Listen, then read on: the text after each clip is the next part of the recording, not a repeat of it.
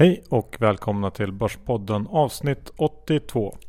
Med mig Jan Skogman Och mig Johan Isaksson. i samarbete med Avanza. Precis som vanligt. Nästa vecka har vi faktiskt Avanza-mannen här på besök. Ja John, det ska bli eh, riktigt spännande faktiskt att höra vad han har att berätta om sin eh, väg upp. Ja, det är ju en av Sveriges största traders som börjar med några hundratusen kronor och nu är bland de största. Har ni en fråga till Avanza-mannen så skicka ett eh, mail till börspodden gmail.com och sen har ni Avanza-mannen i rubriken. Mm. Sen har vi väl något budskap ifrån Nordea också tror jag John, vår huvudsponsor. Ja, vi har ju Skandinaviens största bank som huvudsponsor och eh, det tackar vi så hemskt mycket för. Vi har många spännande saker på gång tillsammans med Nordea och eh, vi fortsätter väl promota deras räntebevis Johan. Mm, absolut. Det finns fast räntebevis och vanliga räntebevis med garanterade ränteutbetalningar varje kvartal. Det kan vara ett bra komplement i en portfölj i en eh, högt värderad marknad. Ja, och är man lite eh, mer negativt inställd så finns ju de här blanka produkterna där man kan spekulera i nedgång i diverse aktier.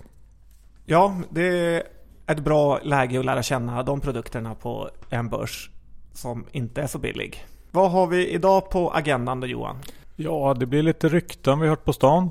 Det blir väl lite vanligt bolagssnack. Ja, det blir det. Och eh, framförallt blir det Dr. Bass analyserar Dr. Doom. Och slutligen så har vi ju ett eh, budskap från Klients fonder. Kommer ni ihåg dem som eh, var med Börspodden ett helt år på den gamla goda tiden? Nu har de gjort det omöjliga möjligt. 100% av deras fonder har faktiskt fått eh, fem stjärnor av Morningstar, vilket är helt otroligt egentligen. Deras eh, Dream Team, som vi brukar kalla det förvaltarna, har eh, trotsat tyngdlagen Johan. Ja, det är fantastiskt bra. Gå in på klients.se 100 så kan ni läsa mer om de här fonderna som överpresterar kolossalt. Vi twittrar ut. Yes. Index kring 1700. Vad eh, är din kommentar på en relativt eh, sidledes gående börs här sista månaden? Ja, nu har vi kommit upp lite grann då kring 1700 och eh, vi har ju fått lite bättre eh, siffror också ifrån Eurozone-området här så att eh, det har väl hjälpt till lite grann. Eh, och det behövs väl också för att eh, hålla upp den här marknaden. Eh, och det vore konstigt om det inte kom lite, eh, syntes någon effekt av den här nollräntan och all, alla stimulanser som kommer. Så att eh, ja, Och om man tittar på andra sidan Atlanten då Johan, så återköpen i USA har du haft ett öga på? Ja, vi går ju in i en sån här buyback black period nu inför Q1. Alltså att eh, företagen eh, inte får köpa tillbaka aktier längre. Och det kan ju vara någonting som man ska hålla ögonen på eftersom att eh, det har varit en bidragande orsak till eller en, en av de större nettoköparna av aktier eh, sista tiden. Alltså företagen själva. Ja, och börsen har ju inte gått eh, jättebra i USA trots det här. Nej, precis. Så att eh, ja. USA-börsen står ju och väger lite grann. Eh, kan, är det här eh, liksom droppen som får den att eh, vända ner igen? Vi får se. Det blir spännande med Q1 i alla fall. Ja. Sen har vi lite Boman Legacy har varit på tapeten sista tiden. ja, du tänker på den gamla Handelsbanken-toppen. Ja, som avstod 22 millar. Det är sånt man bygger eh, goodwill för att ha i tuffare tider. Mm, ja, men så är det ju. Imponerande. Avanza har gjort det igen med sitt eh, bolån Johan. Du tänker på det här superbolånet på 1% eller 0,99. Ja, nu var jag och tittade vad SEB erbjuder för bolån och det är faktiskt också 1% nu. Så att eh, det alla tyckte var fenomenalt eh, för kunden visar sig kanske vara fenomenalt för Avanza. I och med att eh, nu är det de som kan stoppa undan överskottslikviditeten till en ganska bra peng faktiskt. Ja, Det är därför Avanza värderas till topp P-tal för att eh, de ligger faktiskt lite steget före. På tal om Avanza så måste man prata lite om eh, Nordnet också. ja vad är det senaste därifrån då? Det är ju att vi försöker styra upp den här dejten med eh, Sparpodden versus eh, Börspodden. Ja, Men vi får bara prata med Günthers eh, assistent. ja. Vet du vad assistenten kallas på Nordnet till Günther? Nej. Günthern. En ordlek med Gün ytter och intern, Güntern. Ja, ja, det är fascinerande. Hur kändes det när du fick höra det här? Nej, men då bröt jag ihop. Eh, jag pratade lite med Güntern och eh, han får jobba gratis för Günther. Så att, eh, ja, det, han är snål även mot sina arbets, eh, även som arbetsgivare. Det har varit en hel del IPOs här sista tiden. Ja, och eh, vi tänkte väl kanske säga någonting om det här med eh, tilldelning i IPOs och många som blir besvikna i de här mest populära eh, introduktionerna när man inte får några aktier nästan. Ja, vi har ju promotat en hel del nyemissioner och det är ju faktiskt lite tråkigt när man ser att folket får alltid minimumtilldelningen. Företagen utnyttjar lite Avanza Nordnet till att få aktieägarspridning men man får inte i närheten av de mängden man har sökt aktier efter.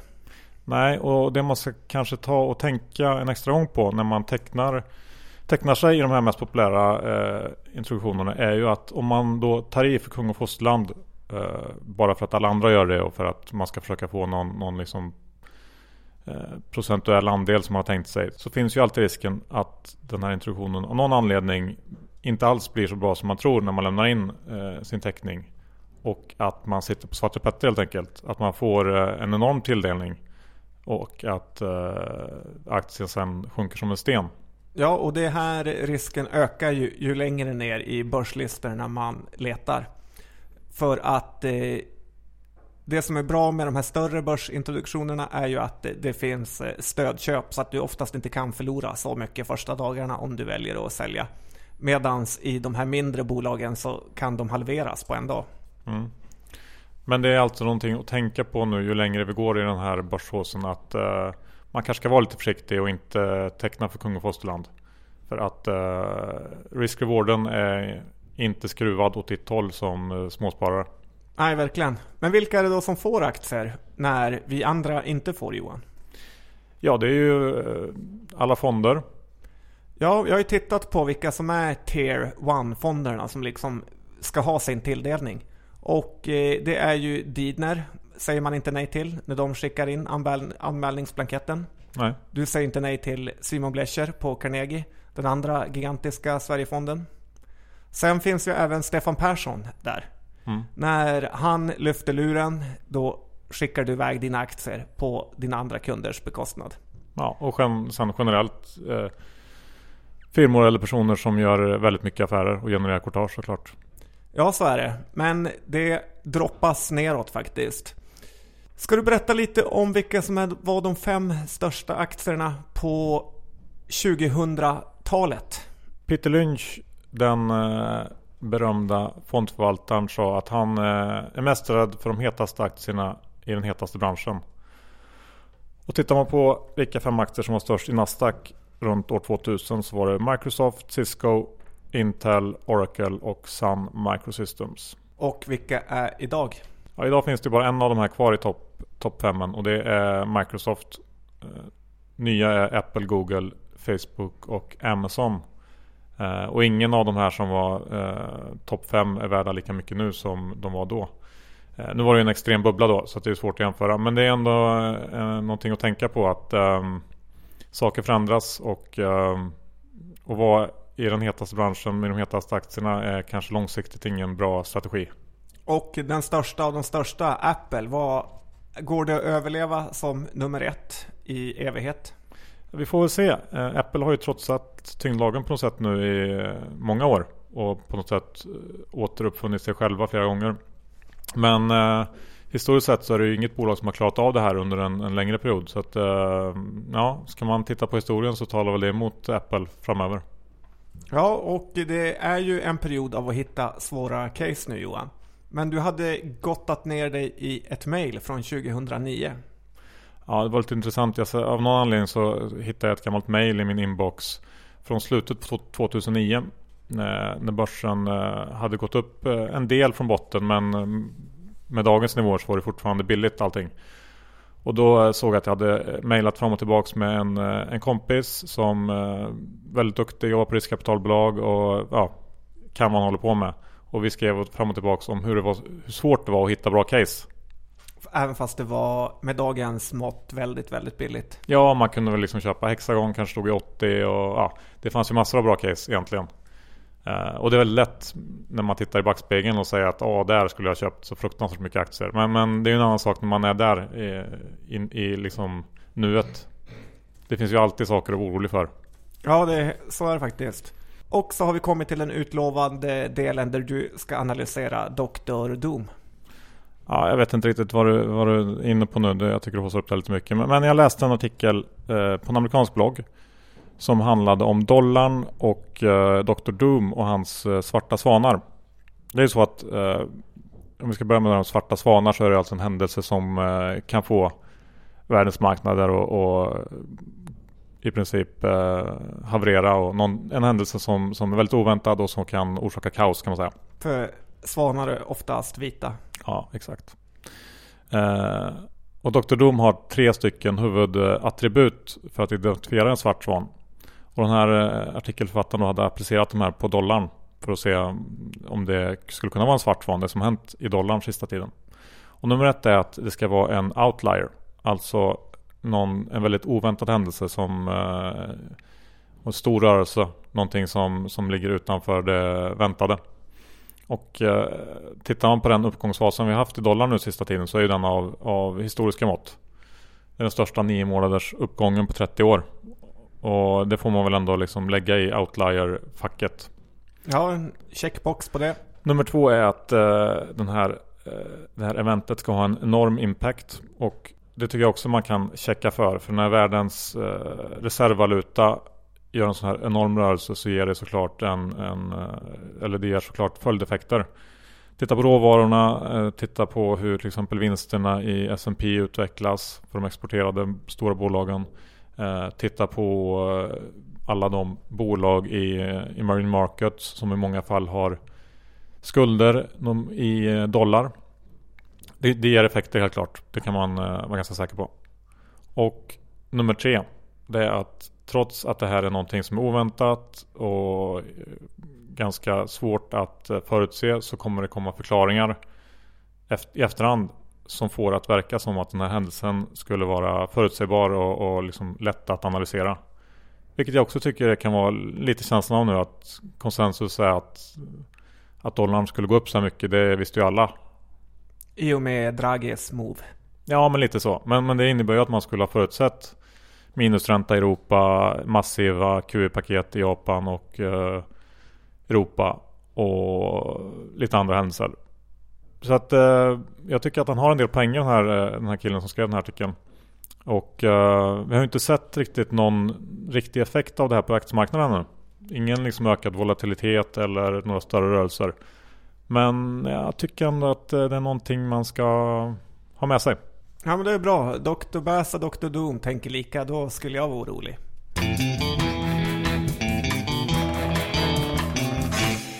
Nu John är det dags för dig att dela några av alla de rykten du hört på stan sista veckorna. Vad har du för saftigt att komma med? Ja men det är dags att vi börjar ta fram lite händelser som ni där hemma kanske inte får höra men som vi som har örat mot rälsen kan höra.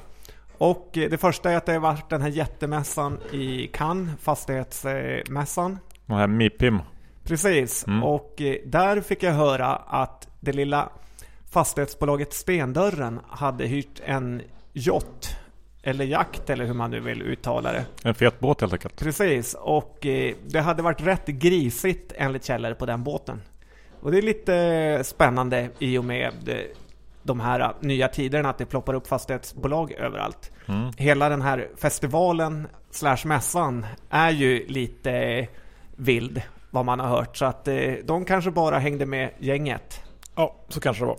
Sen vad gäller stendörren i stort så tycker jag att det är en konstig konstruktion hur man säljer in fastigheter till mot aktier som folk får för och sen lappas de på börsen till 15-20% i underkurs för att folk vill komma ut.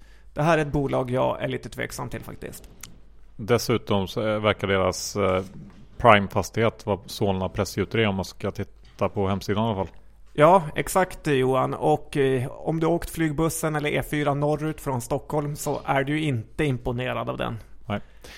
Sen var det tårta någonstans här i veckan. Ja, på Ångpanneföreningen, ÅF, var det tårtkalas för det bästa februari någonsin. Det ser man. Ja. Sen ska Skistar ha en fetingbjudning i Hemsedal. Och vad jag hört så är det full smockat med stekare, finansstekare som är inbjudna dit. Mm, mm. SCA då? Ja, det ska tydligen vara helt förlamat av eh, den här eh, kraschen och flygplanet har inte rört sig ur marken och ingen vågar riktigt fatta några som helst eh, beslut. Det är lite som man pratar om att i Kina när man förbjöd korruption och får hårda straff så är det ingen som vågar ta ett beslut. Mm, Okej. Okay. Har du någon sista liten spaning då? Ja men det har jag Johan. Jag har två stycken. Det ena är ju det här med att SEBs rekar i Kinnevikssfären är ju helt fantastiska. För något år sedan hade vi att de höjde Metro till köp två dagar innan uppköpet. Mm. Och nu kom att de höjde Transcom, eh, höjde upp riktkursen ordentligt. Två dagar senare är Altor inne och eh, köper massa aktier och aktien sticker upp ytterligare 10-20%. Så Nästa gång SEB höjer något inom Kinnevikssfärens bolag så ska man nog inte gå emot det om vi säger så. Och slutligen då Johan så har ju nollräntan ställt till med enorma besvär för alla banker och fondkommissionärer här i Stockholm som har fått lägga ner åtskilliga miljoner på att omställa systemen till minusränta. Eh, det har inte hänt förut och eh, det är lite som när bensinpriset gick över 10 kronor och bensinmackarna inte var beredda på det. Ja, då tackar vi för det John. Sen Johan har ju faktiskt, eh, det varit lite biotechmania och diamyd går upp som, eh, ja man vet inte riktigt hur, vad den går upp som men det är fruktansvärt många procent varje dag. Ja, det, det där, det är, biotech har ju varit hett i USA ganska länge och nu känns det som att det har spridit sig på allvar till Norden. Danmark har ju haft sina framgångar. Eh, Sverige har det varit lite skralt sista åren. Men det hindrar ju inte eh, diverse aktier att eh, gå upp nu. Eh, vi hade Corobio här i veckan och nu senast Diamyd som gått från 5 till eh, 20 eller någonting. 25 kanske de är uppe i till och med. Eh, på två dagar på i princip ingenting. Nej, och där dessutom säljer insiders i Diamyd. Ja, och det är ju lite extra kul också när man liksom känner till historiken bakom Diamyd och vilket kvalitetsbolag det har varit eh, genom åren. Jag kan kom... du ge mig ett axplock? Nej, men jag kommer ihåg, eh, jag kommer ihåg den, den gången när de blandade ihop, de hade gjort en stor studie och resultaten skulle presenteras. Men då hade de blandat ihop vilka som var placebo och vilka som var, hade fått eh, preparatet i fråga. Så att studien gick ju inte att använda. Det var en, ja, några år som man kastade bort där. Inte så snyggt. Eller den gången när CFO förskingrade flera miljoner från bolaget som man liksom söp upp egentligen på större plan. Ja, det där är eh, inte ett kvalitetsbolag. Sen såg jag också att eh, vi fick in ett nytt bolag i Norge i sektorn här tidigare i veckan. Nordic Nanovector. Som ju direkt gick upp en del. Och som kommer ifrån um, samma grundare som, som uh, drog igång det här Algeta som ju var en, uh, en framgångssaga. Så att det, det poppar upp uh, lite här och var nu. Och man ska ju verkligen vara försiktig när det gäller de här bolagen. Ja, det kan man vara. Sanione är också ett exempel på bolag som har gått från 8 kronor till 18 kronor. Jag läste faktiskt en, en krönika om det här som han Mats Trader på Twitter som skriver lite för Finwire skrev som jag tyckte var träffande. Så den, den eh, kan man med fördel läsa om man är intresserad av hela den här biotech-håsen. Du kan twittra ut den va? Absolut. Sen ett annat galet racingbolag är ju Seamless Johan. Vi pratade om den, att det kunde vara intressant att hoppa på kring 8 kronor. Sen gick det två veckor och nu står den i 18. Ja, det är makalöst måste jag säga. Det har kommit en hel del pressreleaser, nästan en om dagen. Det är nya länder som attackeras? Ja, när vi fick upp ögonen lite för Simles igen så berodde det på att man hade lyckats få den här kopplingen till eh, vanliga bankkonton här i Sverige, vilket har varit en stor nackdel för dem. Efter det så har det kommit ut ungefär ett pressmeddelande om dagen med en ny marknad. Det är Spanien, det är eh, Ryssland, det är eh, ja, alla länder i Europa känns det som i princip. Men problemet är väl liksom lite grann att de bara lanserar möjligheten att använda det i landet. De har ju inte partners eller någon kedja som de rullar ut det med utan det känns lite substanslöst kan jag tycka. Ja, jag håller med dig Johan. Det gäll, I Sverige har de nu funnits i några år och eh, fortfarande inte många som använder det. Så att eh, nytt land, nya kostnader. Och kanske ny emission på gång. Det var du som sa det. Ja, vi får se. Net. Eh, Entertainment. ja, vad har du att säga om dem? Ja, jag noterar att eh, Gottslich i styrelsen gör ett nytt jätteköp. Eh, han verkar tro på bolaget, minst sagt får man säga. Pilotskolan. Ja, eh, ja jag, det har ju varit rätt för att ta rygg på insiderköp i Nettan och det kanske är det igen, jag vet inte. Trots värderingen. Då finns det ett billigare alternativ Johan i Evolution Gaming som kom in på börsen för någon dag sedan. Lite av eh, en flopp får man säga trots att den gick upp 10% första dagen med tanke på den groteska överteckningen. Ja, lite så. Men eh, hur övertecknat ett bolag är behöver ju inte säga så mycket om hur bra det kommer att gå sen kanske alltid. Men visst, jag håller med dig. Det, man kanske trodde att den skulle rätta sig upp till 100-lappen ganska snabbt. Men eh, den harvar kring, kring 90 och eh, eh, det är ju inte billigt men det är klart att det är ett spännande bolag som eh, har potential. Så att, eh, det ser ju intressant ut, absolut.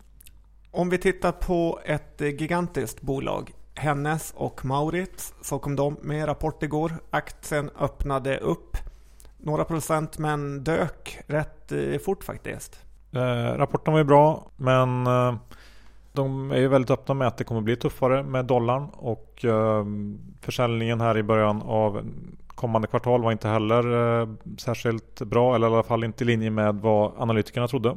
Så att eh, aktien eh, stängde väl ner en 2-2,5% eller något sånt med, och gick lite tvärt emot vad analytiker och banker trodde inför öppningen där med plus 2, 3, 4% till och med såg jag någon som trodde.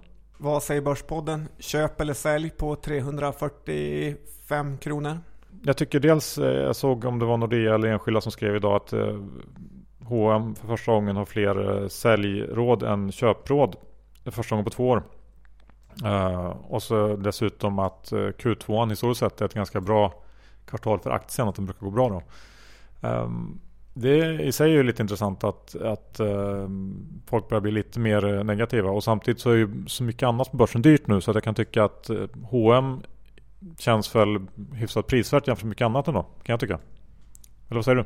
Ja men det är alltid ett bra play att ha i dividendportföljen. Jag handlar ju aldrig sådana stora bolag Johan. Ja, nu är det ju snart eh, slut på handeln i teckningsrätter i Eniro. Vad har du att säga om det där? Ja, den 26 mars, eh, torsdagen den 26 mars alltså, är det sista dagen för handel med teckningsrätter.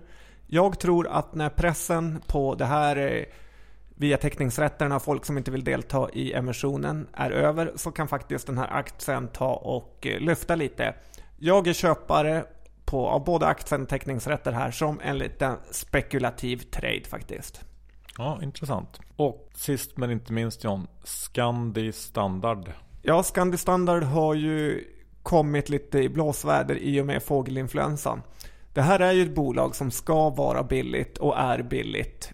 Och jag tycker det är helt rätt för hux flux kommer det någon fågelinfluensa eller några fågelvirus som slår ut hela farmar och eh, årsvinster kommer försvinna i engångskostnader. Så att eh, den här aktien ska man aldrig handla upp för högt.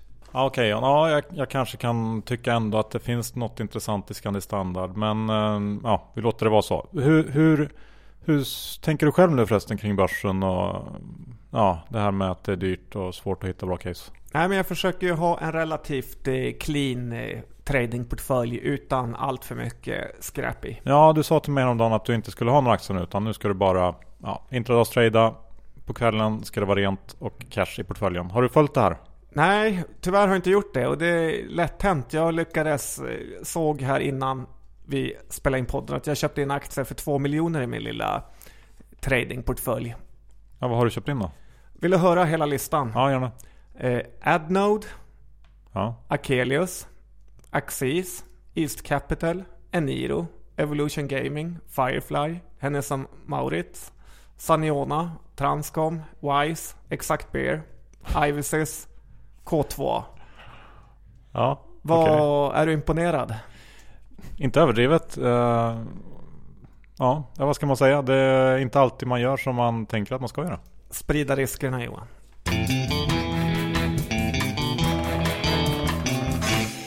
Ja John, det var det vi hade den här veckan, avsnitt 82. Man kan väl säga att vi laddar lite grann för eh, nästa veckas stora intervju med Avanza-mannen. Jajamän, det kommer bli fantastiskt kul att se en börsmagiker eh, förklara världen för oss. Dessutom så kommer vi göra en del intervjuer imorgon eh, nere i Lund som vi kommer att eh, på ett eller annat sätt portionera ut under avsnitten framöver. Så det kommer eh, lite intressanta grejer framöver. Ja, tack Nordea och eh, räntebevisen och produkten Blanka som eh, står i en egen klass. Precis. Och Kliens drömförvaltare har fem av fem stjärnor på alla fonder de har. Och gå in på kliens.se 100 så kan ni få läsa mer om de här fonderna. Gör det. Det var det vi hade den här veckan. Vill ni oss något så finns vi på Twitter, på Facebook och på mejlen. Ja, det var inte mer än så. Jo, det var det. En liten grej till. Missa inte Fondpodden. Den här veckan har eh, Jakob träffat eh, P.O. Nilsson som berättar i detalj om hur de tänker när de eh, analyserar bolag och de går igenom till exempel hur de tänkte när de köpte in Sandvik. Intressant lyssning för de som är intresserade av aktiv förvaltning så kika in på den podden. Då var det allt. Ja, hej! Hej!